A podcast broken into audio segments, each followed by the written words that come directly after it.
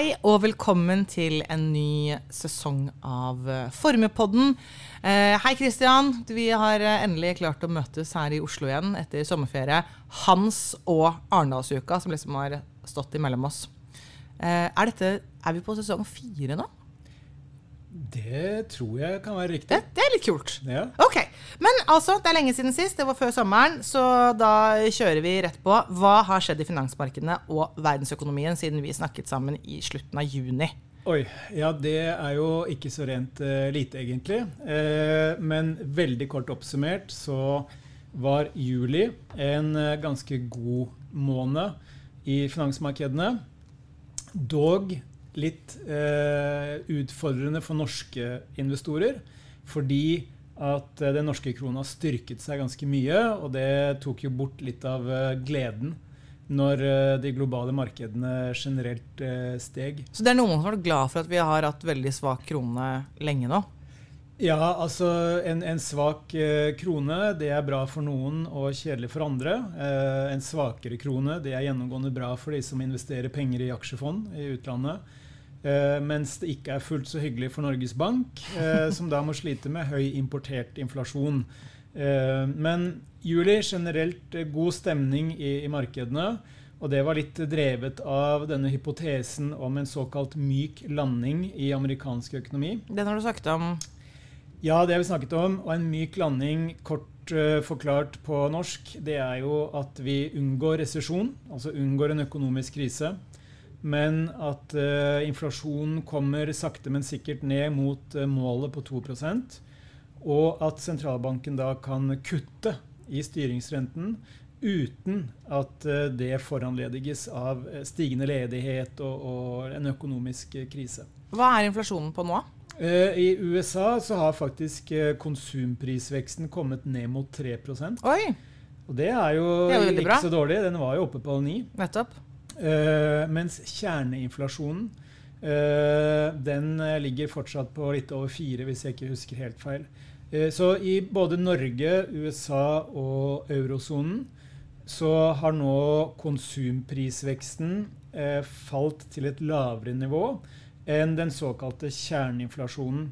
Eh, og kjerneinflasjonen den er litt mer knyttet opp imot stramme arbeidsmarkeder, eh, lønnsvekst, eh, fortsatt god aktivitet i servicesektoren. Og det kan være en liten sånn hodepine for sentralbankene når alle i finansmarkedene, eller ikke alle, da, men noen i hvert fall, tror at rentekutt står liksom rundt hjørnet inn i 2024. I, i, i, i, I juli så var det først og fremst den myk landing-hypotesen som drev markedene. Men august har vært eh, en god del mer utfordrende. Og august går faktisk mot å bli den svakeste eh, måneden for globale aksjer siden september i 2022. Og de to viktigste drivkreftene for at august har vært litt vanskeligere, det skal være hovedtema i denne episoden. Og det er de stigende rentene, Ja. som har steget eh, litt overraskende kanskje for mange, og trøbbel i Kina. ja. Big trouble in Little China, eller Little trouble in Big China. Eller Little trouble in big, big China. Så da har du egentlig vært eh, raskt gjennom da hva som har skjedd, og så glir vi opp på hovedtemaet, eller? Ja, eh, jeg kan jo også nevne at eh, det har vært eh, flere ting som på en måte har påvirket eh, markedene, men veldig mye av det viktigste faller liksom inn under renteutviklingen og eller Kina-utviklingen. Så jeg tror egentlig vi kan hoppe over på det. Ja. Nettopp. Så da er det altså hovedtemaet i dag som er de stigende rentene og problemene i kinesisk økonomi. Så da er det bare, Christian, sett i gang. Ja. Eh, jeg, skrev jo en kommentar om det forrige uke, og, og tittelen på den var jo faktisk 'Dramatikk i rentemarkedene'.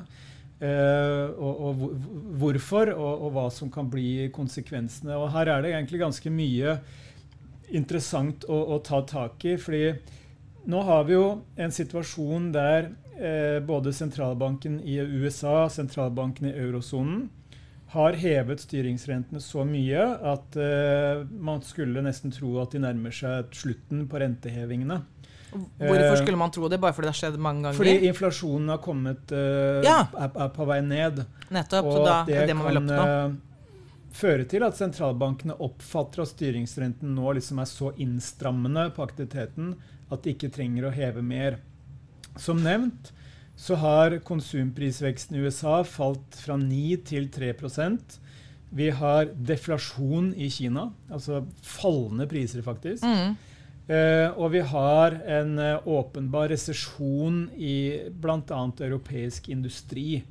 Men likevel bare, Ja. hvordan, er det du, hvordan ser man det egentlig, at det er en åpenbar resesjon i Europa nå? I, altså i europeisk industri?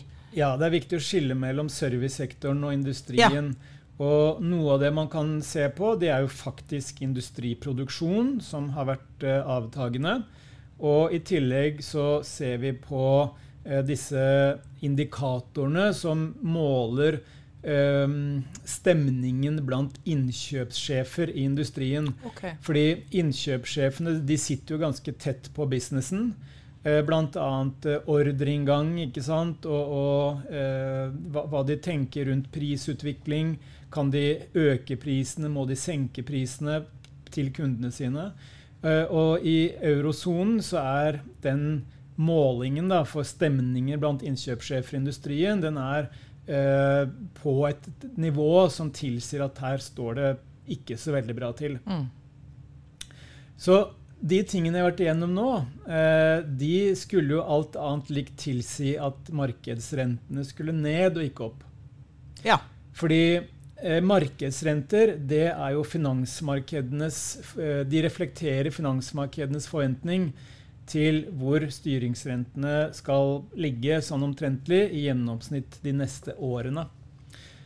Men det som da har skjedd, er jo at eh, disse markedsrentene har steget eh, i USA, de har steget i Japan, de har steget i Europa, de har steget i Norge. Og det som da er interessant å se på, er jo hvorfor. Og noen av de eh, faktorene som eh, jeg har trukket frem i, i denne kommentaren min, og som også er liksom, som det skrives mye om i finansavisene, det er jo for det første at vi har hatt eh, overraskende gode økonomiske tall fra USA. Og det reduserer jo forventningene om at et rentekutt står eh, rundt hjørnet i den Mm. amerikanske økonomien. Fordi når det går bra i økonomien, så betyr det at det er etterspørsel etter arbeidskraft. Og når det er etterspørsel etter arbeidskraft, så betyr det at lønnspresset kan vedlikeholdes, eller Mm. kanskje opprettholdes. Og det er en viktig kilde til, til inflasjon.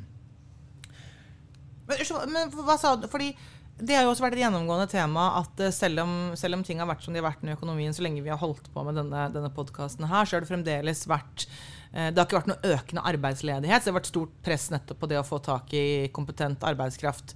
Men hvordan, hvordan var det, sa du noe om hvordan det lå an nå? Altså, Nei, det har vel ikke skjedd noen endringer nei, der? Fordi det er et godt spørsmål. Uh, I USA så har vi 3,5% ledighet. Det er vel uh, tilnærmet laveste ledighetsrate på 50 år. Vi har rekordlav arbeidsledighet i eurosonen. Og vi har fortsatt veldig lav ledighet i Norge. Det man ser på, spesielt av USA, det er jo balansen mellom hvor mange arbeidssøkere finnes det, og hvor mange utlyste stillinger finnes det.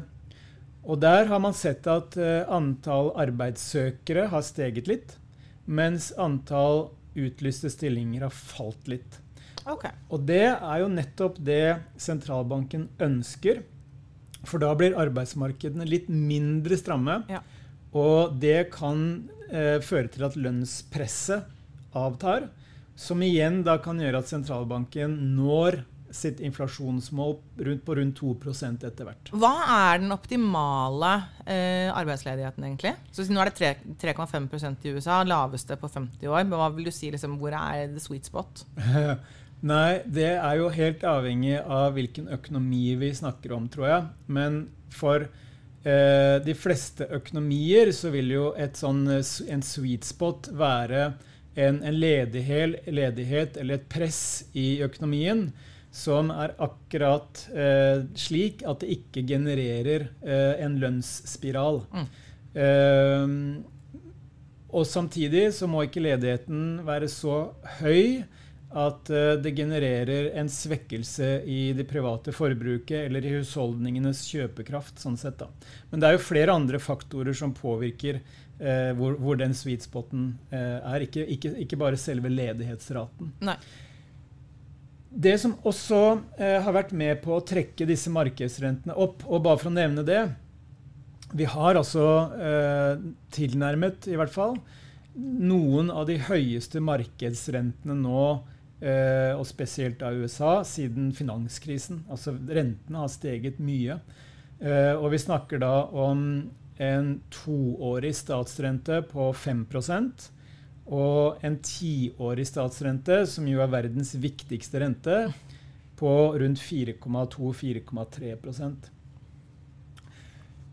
men noe av det som også har vært bidragsytende da, til at renten har steget, det er jo at uh, i begynnelsen av august så valgte kredittratingbyrået Fitch, Fitch. Fitch å nedgradere kredittverdigheten eh, til amerikanske statsobligasjoner.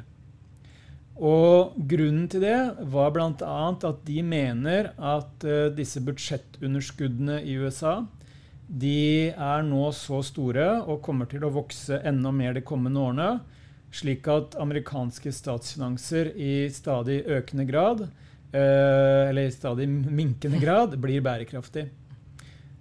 Og dette har fått mange investorer til å tenke at ok, hvis USA ikke har styr på sin egen økonomi, og det er krangel mellom demokrater og republikanere, så kan dette bli, håper, gå fra vondt til verre etter hvert eh, på, på, sikt. Og Det kan også føre til at etterspørselen etter amerikanske statsobligasjoner blir litt mindre.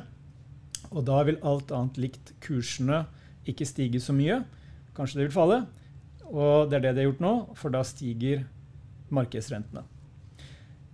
En annen litt sånn uh, teknisk sak og sånn uh, interessant sak, det er jo at uh, den japanske sentralbanken de har også gjort noen grep. Fordi tidligere, eller fortsatt, så har den japanske sentralbanken en, en regel som forhi skal forhindre at de japanske statsrentene stiger for mye. Men det de gjorde nå nylig, det var at de økte terskelen for hvor høyt de japanske rentene kan stige. Okay. Med, med lite grann. Hva, var det, hva, hva, snakker vi om da? Jeg tror det, åh, Nå spør du vanskelig. Nå tar du meg helt på senga. Men jeg mener at grensen var på en halv prosent før på, mm. den, på, på den japanske tiåringen, og at den er justert noe opp. Ja. Men ta det med en liten klype salt. Okay. Jeg, jeg, følger ikke det japanske statsmarkedet. Nei, nei, men det er, det er, i den ballparken. Ja, det er veldig, interessant å ha. Hva, hva, slags tall er det vi snakker om? Veldig lavt mm. nivå. Men når de da eh, gir muligheten for at japanske renter kan stige litt, mm så gjør det japanske statsobligasjoner relativt sett eh, mer attraktive, bl.a. for japanske investorer. Da flytter de penger mm. ut fra amerikanske statspapirer og inn i japanske. Og det er da én tilleggsfaktor som kan trekke kursene på disse amerikanske statsobligasjonene ned. Og når kursene faller, da stiger den effektive renten på oblasjonene. Vi har også hatt flere eh, medlemmer i den amerikanske sentralbanken som har uttalt seg til media om at det er ikke sikkert vi er ferdig med å heve styringsrenten likevel. Nei. Det har vært med på å trekke rentene opp. Eh, og vi vet også i kjølvannet av denne hevingen av gjeldstaket som vi ja. snakket om, så har jo den amerikanske staten da endelig fått mulighet til å låne enda mer penger. Ja, for Hva landet det på der? Den hadde vi jo en eh, episode to ganger snakket om det, og så ble det sommerferie. og Hva ble liksom det endelige resultatet der? Det ble egentlig ingen dramat, stor dramatikk, fordi man fant frem til en løsning ja. eh, litt før kanskje enn det markedene hadde sett for seg. Ja. Eh, og det førte til at de flytta dette problemet egentlig bare litt ned i gata. Jeg tror vi, vi snakker om begynnelsen av 2025, eller noe sånt, og så kommer det her til å dukke opp igjen. Okay.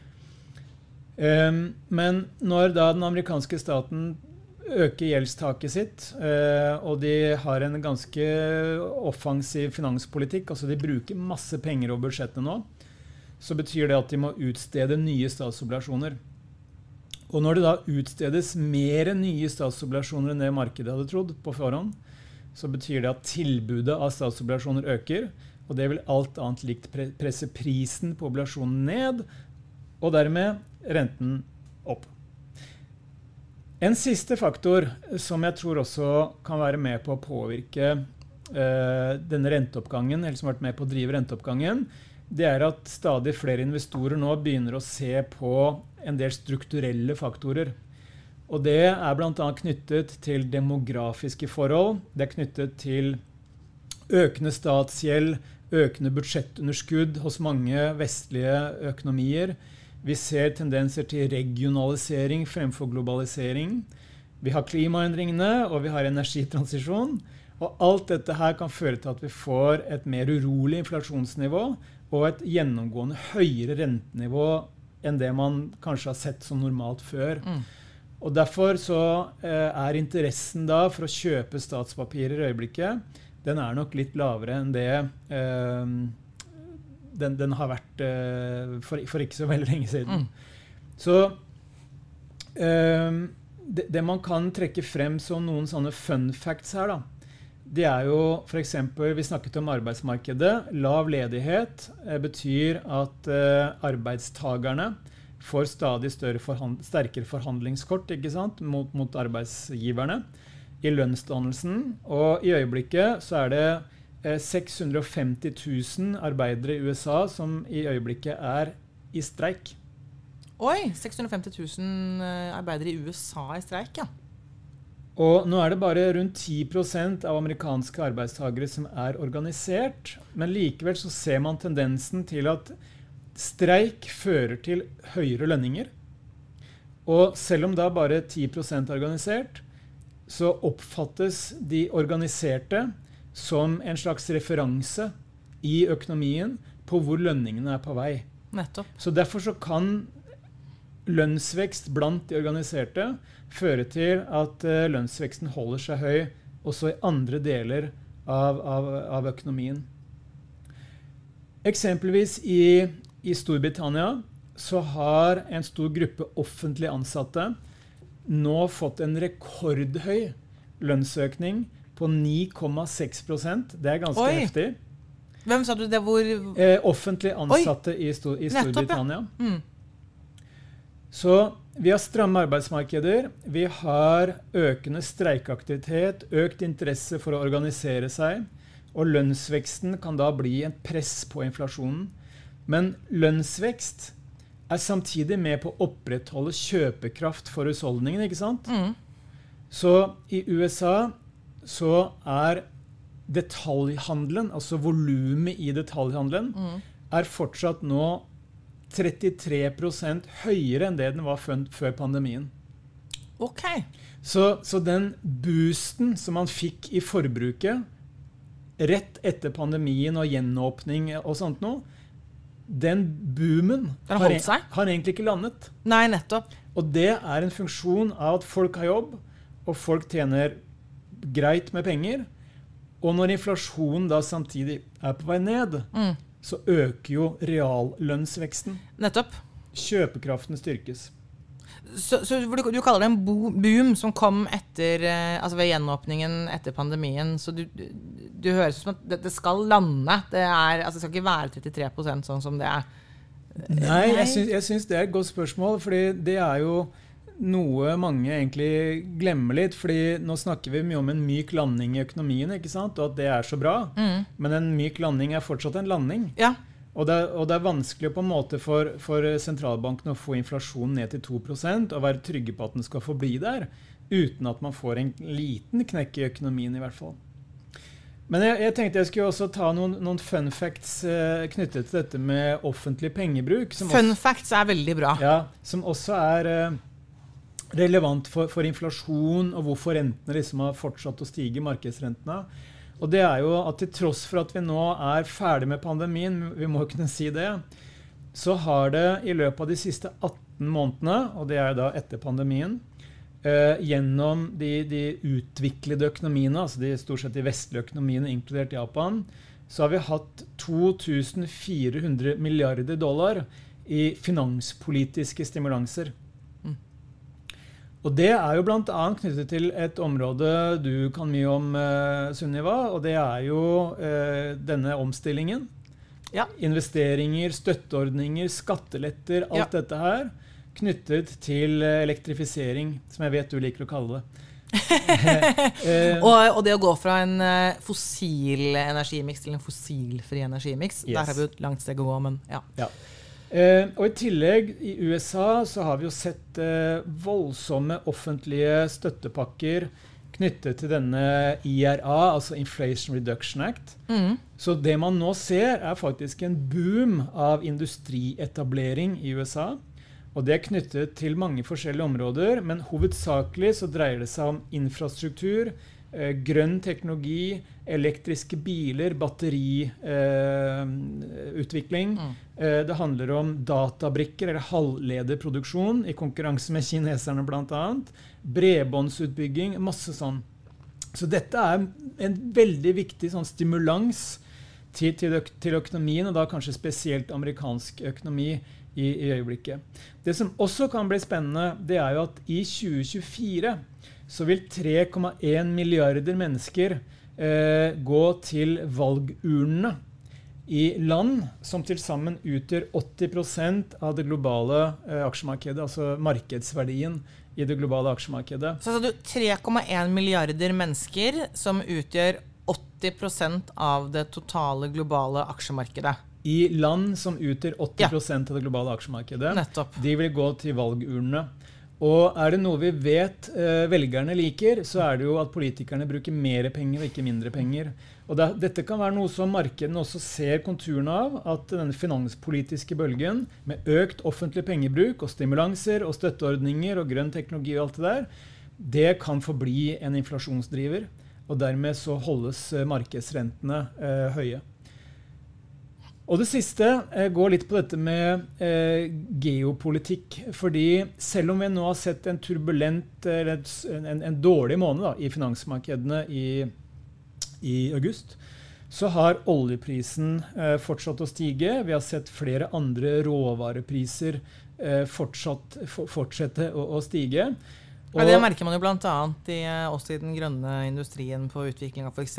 vindmøller og eh, sånn. Sånn som her til lands, så kjenner man jo veldig på det nettopp at råvareprisene er på vei oppover nå. ja, byggeprisene stiger. Ja, det Ja. gjør de. Ok, bra.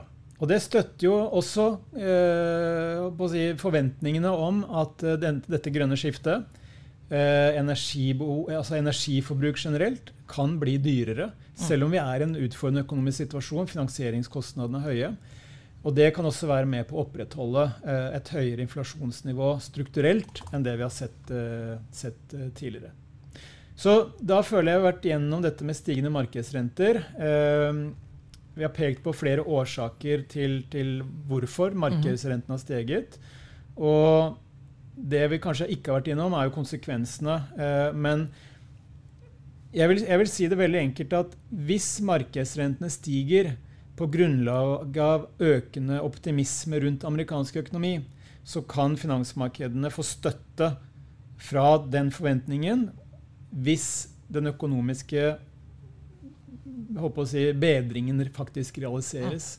Men hvis markedsrentene stiger fordi finansmarkedene, investorene, nå begynner å innse at sentralbankene må holde styringsrentene høye i mye lengre tid enn det man tidligere har trodd, så vil det kunne bli en utfordring.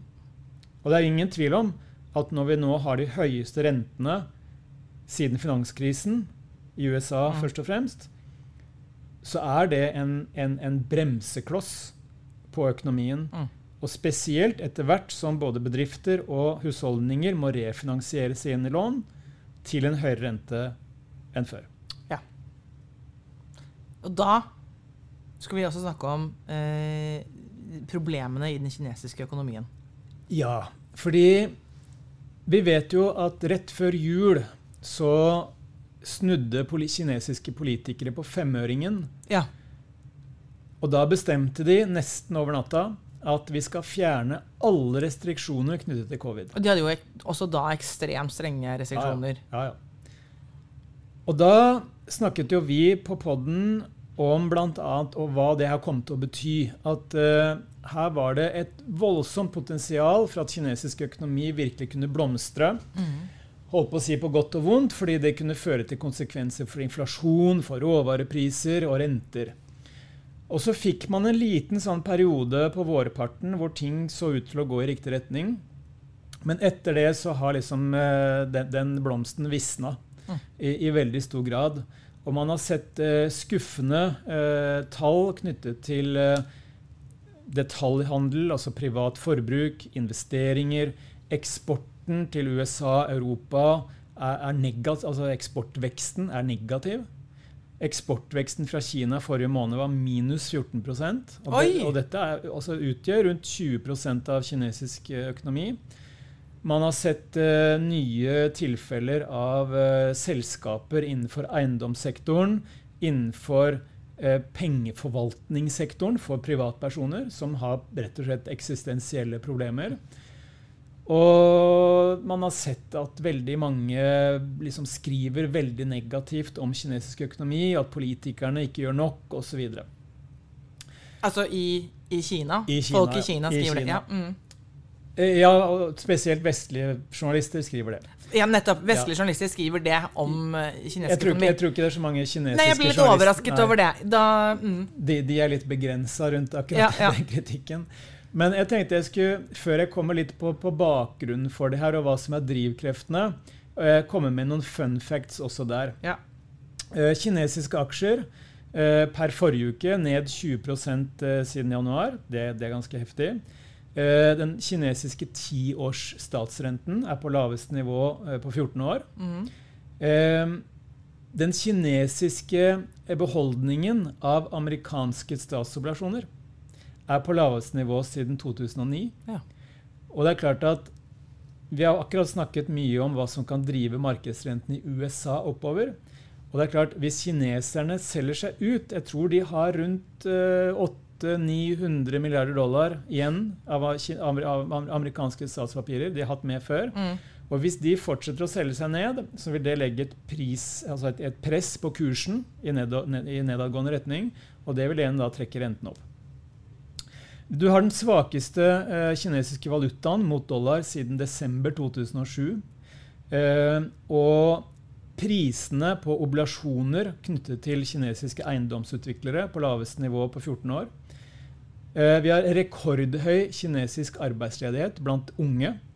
Men det som er interessant nå, det er at kineserne har bestemt seg for å ikke lenger publisere de dataene. Altså på arbeidsledighet og sånn? For unge. Nettopp. Men du, når vi, vi, har snakket om arbeidsledighet og USA, og, og det er rekordlavt her i Kina, er det rekordhøyt blant unge. Hva, hva ligger det på der, da? Eh, ledigheten blant, ja, ledigheten blant, unge i Kina eh, Jeg mener den er godt over 20 Den godt er, over 20 ja, den er på 21% faktisk. Ja. Men siden du da sier spesifisert det er unge, så antar jeg det er noe annet tror, på hele ja. landet. Men det er likevel, så det er en helt annen type arbeidsmarked, da. Ledigheten blant de mellom uh, si 24 og, og 55, den er betraktelig lavere. Ja. ja. I den grad vi kan stole på tallene. Ja. Men nok om det. For de har sluttet å publisere disse tallene. Ja. ja, i hvert fall for de unge. Ja. Men det myndighetene har gjort da, for, å, for, å, håndtere denne økonomiske nedturen, det er ganske mange forskjellige ting. De har kuttet i lånerentene, de har kuttet i boliglånsrenter. De har kuttet i, i selskapsskatten. De har redusert avgiftene for å handle i aksjemarkedet. Og de har til og med kuttet eh, prisene på inngangsbillettene til en del turistområder. Eh, de har forlenget eh, subsidier rundt knyttet til elektriske biler. De har intervenert i valutamarkedet. Og de har til og med utvidet eh, handelstiden for, for, i aksjemarkedet. Altså hvor lenge på dagen man kan handle aksjer. men likevel så har de liksom ikke trykket på ordentlig stimulansegasspedalen. Og det kommer litt tilbake til i min forklaring på hva som egentlig skjer i kinesisk økonomi. Og det er knyttet til fire d-er.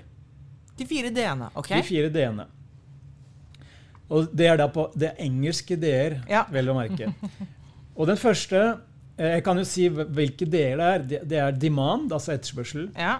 Det er debt, altså gjeld. Mm. Det er eh, demografi. Mm. Og det er de-risking. De-risking. Ja. Så hvis vi da begynner med demand, altså etterspørselen i økonomien, primært fra privatpersonene, det er jo 1,4 milliarder av dem, Mm. så vet vi at spareraten blant kinesiske husholdninger den er høy. Og den har også økt. Det vil si at de er forsiktige med å bruke penger. Mm. Og de sparer veldig mye av inntekten sin. Og Noe av bakgrunnen for det er at eh, mange har opplevd fallende priser eller svak boligprisutvikling på egne boliger. Eh, mange har opplevd eh, svak avkastning i, i kinesiske investeringer. Eh, og noen har vært eh, veldig uheldige med å ha kjøpt eh, leiligheter som boligutviklerne ikke har hatt finansiering til å ferdigstille. Og det skaper jo en forsiktighet og en, en, en, eh, sparsommelighet hos husholdningene som er negativt for økonomien. Det er også mye politisk mistillit etter covid-episodene, hvor mange har liksom mistet litt tilliten til politikerne. Vi vet det er høy ungdomsledighet, som nevnt. Og etterspørselen etter kinesiske eksportvarer fra USA og Kina, den er lav. Mm. Så etterspørselen, demand, den, den er eh, en, en negativ kilde eh, for, for, for, eh, for fremgang i, i kinesisk økonomi i øyeblikket. Når det gjelder debt og, og, og gjeld, så har kinesisk økonomi nå en gjeldsgrad på rundt eh, 300 av BNP samlet sett. Ok, hva betyr det? Kan du bare Det betyr at den samlede gjelden, altså selskapsgjeld og statsgjeld, Ja. er på rundt tre, altså er tre ganger høyere enn bruttonasjonalprodukt. Okay. Eh, I USA for eksempel, så ligger det på rundt 100% av BNP. Eh, I Norge så Statsgjelden er bare 40% av BNP, tror jeg. Mm. Eh, Får arrestere meg hvis jeg sier feil. Eh, men, men dette er liksom veldig høye nivåer. I Japan så tror jeg også er 250-260 av Ja. BNP. Ja. Men, men poenget her det er at eh, grunnen til at kinesiske politikere er mer forsiktige med å liksom trykke på de store stimulansepedalene, det er jo nettopp at de ønsker ikke å skape en ny gjeldsboble, en ny gjeldsdreven boble. Og de vet også at hvis de stimulerer økonomien mye i en situasjon der husholdningene velger å spare fremfor å bruke, så vil de stimulansene ha liten effekt inn i økonomien, fordi pengene går bare til sparing. Og da tenker jeg på husholdningene. Og vi vet også at det er allerede veldig mye gjeld i den kinesiske eiendomssektoren. Og det å da trykke på enda mer gjeld inn i økonomien, det vil ikke nødvendigvis hjelpe. Eh, og sette i gang nye infrastrukturprosjekter hvor det allerede er godt utbygget infrastruktur nå i mye større grad enn før, det vil liksom ikke ha den samme effekten. Så, så høy gjeld i økonomien det forhindrer egentlig myndighetene fra å trykke på med, med nye stimulanser. Nettopp. Det tredje det går på demografi. og Der har vi, som vi vet, i 2022 eh, for første gang, tror jeg, på ever, eh, min, minkende befolkning i Kina. Ja, det var det 2022. befol- befolkningsveksten er negativ. Vi har veldig lave fødselsrater eh, blant kinesiske familier. Det er eh, veldig eh, svak eh, utvikling i etableringen av nye husholdninger eh, i Kina. Og vi ser også at det er avtagende produktivitetsvekst. Fordi vi vet at de foregående 30-40 årene så har vi hatt en voldsom urbaniseringsbølge. Man har hatt denne industrialiseringsboomen i kinesisk økonomi, hvor vestlige bedrifter flyttet produksjon til Kina. Og det bidro til ganske høy produktivitetsvekst i en ganske lang periode. Men nå er liksom den, den eh, boomen er på vei til å fade, og produktiviteten er på, på vei eh, i feil retning når det gjelder kinesisk økonomi. Og Det siste er også relevant i forhold til geopolitikk, og det er det vi kaller de-risking. Ja. Og Oversatt til norsk så betyr det at veldig mange vestlige bedrifter, eh, politikere, de har nå pga. denne geopolitiske spenningen eh, og antagonismen mellom USA og Kina spesielt, eh, de vegrer seg i stadig større grad for å investere i Kina. Og denne de-riskingen det handler rett og slett om at man skal ikke dekoble seg fra Kina, men man skal redusere risiko, man skal på en måte sikre forsyningskjeder, eh, diversifisere produksjon inn til andre asiatiske land, eller flytte det hjem osv. Og det fører rett og slett til mindre penger fra Vesten inn i Kina. Ja. Og Det svekker aktiviteten, det svekker tilgangen på finansiering, og det svekker også tilgangen på høyt betalte jobber. Mm. Eksempelvis for nyutdannede i Kina, som da gjerne har jobbet i vestlige bedrifter. Så, så det er litt av disse drivkreftene for, uh, for hva som skjer i, i, kinesisk økonomi, og hvorfor det er en utfordring. På den positive siden, da, hvis vi skal avslutte med hvorfor vi kanskje ikke skal overdramatisere situasjonen. Ok, ja, For dette er jo eh, relativt dramatisk. Ja, i, i, i, økonomien så er det helt klart ganske store utfordringer. Men hvis man ser på det som har skjedd i finansmarkedene, mm. så virker det ikke å være den helt store panikken i finansmarkedene, sånn som det kanskje er i avisoverskriftene. Okay. Og det er ingen tvil om at det er store problemer i kinesisk eiendomssektor, og det er selskaper som går konkurs, og som myndighetene ikke vil redde. Men finansmarkedene har generelt tro på at dette Nei, altså, Nei. jeg skal ikke si tro på, Nei. men det er ingen panikk. Ingen panikk, ok. Nei, ja. fordi at uh, Hvis du ser på kinesiske bankaksjer, som gjerne da er en god sånn målestokk på om det er panikk eller ikke så ser de ut til å klare seg relativt bra. De har klart seg bedre enn amerikanske bankaksjer de siste 18 månedene f.eks. Vi ser at bilsalget i Kina det holder seg ganske, ganske bra. Det er bra turismeaktivitet internt i, i Kina. Og, og, selv om kinesiske aksjer har falt og, og, på en måte vært skuffende, så er det heller ikke der noen sånn apokalyptisk eh, stemning i, i det kinesiske aksjemarkedet. Okay, så det er ikke apokalypse, og det er ikke panikk? Nei, det er ikke det. Vi har sett råvareprisene stige. det har vært inne på. Mm. Er, det, er, det, panikk knyttet til kinesisk økonomi, så vil jo ikke råvareprisene stige. Det virker litt rart når Kina står for rundt halvparten av forbruket av veldig mange typer råvarer. Mm. Så, så, det har nesten vært mer problemer i det amerikanske statsobligasjonsmarkedet enn i det kinesiske. Som vi har vært litt inne på. Fordi når det er problemer i statsmarkedet, så faller kursene, og da stiger rentene. Yes! Og der da slår du ut hånden og var ferdig med et, eh, med et lite Ja, jeg, føler vi liksom har vært gjennom eh, ganske mye rundt renteoppgang. Vi har vært gjennom eh, en del strukturelle ting når det gjelder kinesisk økonomi. Men kanskje også avslutningsvis når det gjelder kinesisk økonomi. Ja, helt klart store problemer, spesielt i eiendomssektoren. Men finansmarkedene tar det så langt med fatning. Det er veldig bra. Eh, bra også ikke, ikke, Alt er ikke bare, bare, mørkt. Du har blitt flink på det, Kristian, og liksom uh, se på hva som er positivt også. Eh, og det var veldig hyggelig å se deg igjen, Kristian. Og da eh, skal vi nå sees sånn ca. hver annen hver tredje uke fremover nå denne høsten. Så det, er, det gleder jeg meg til. Og um, takk til deg som lyttet.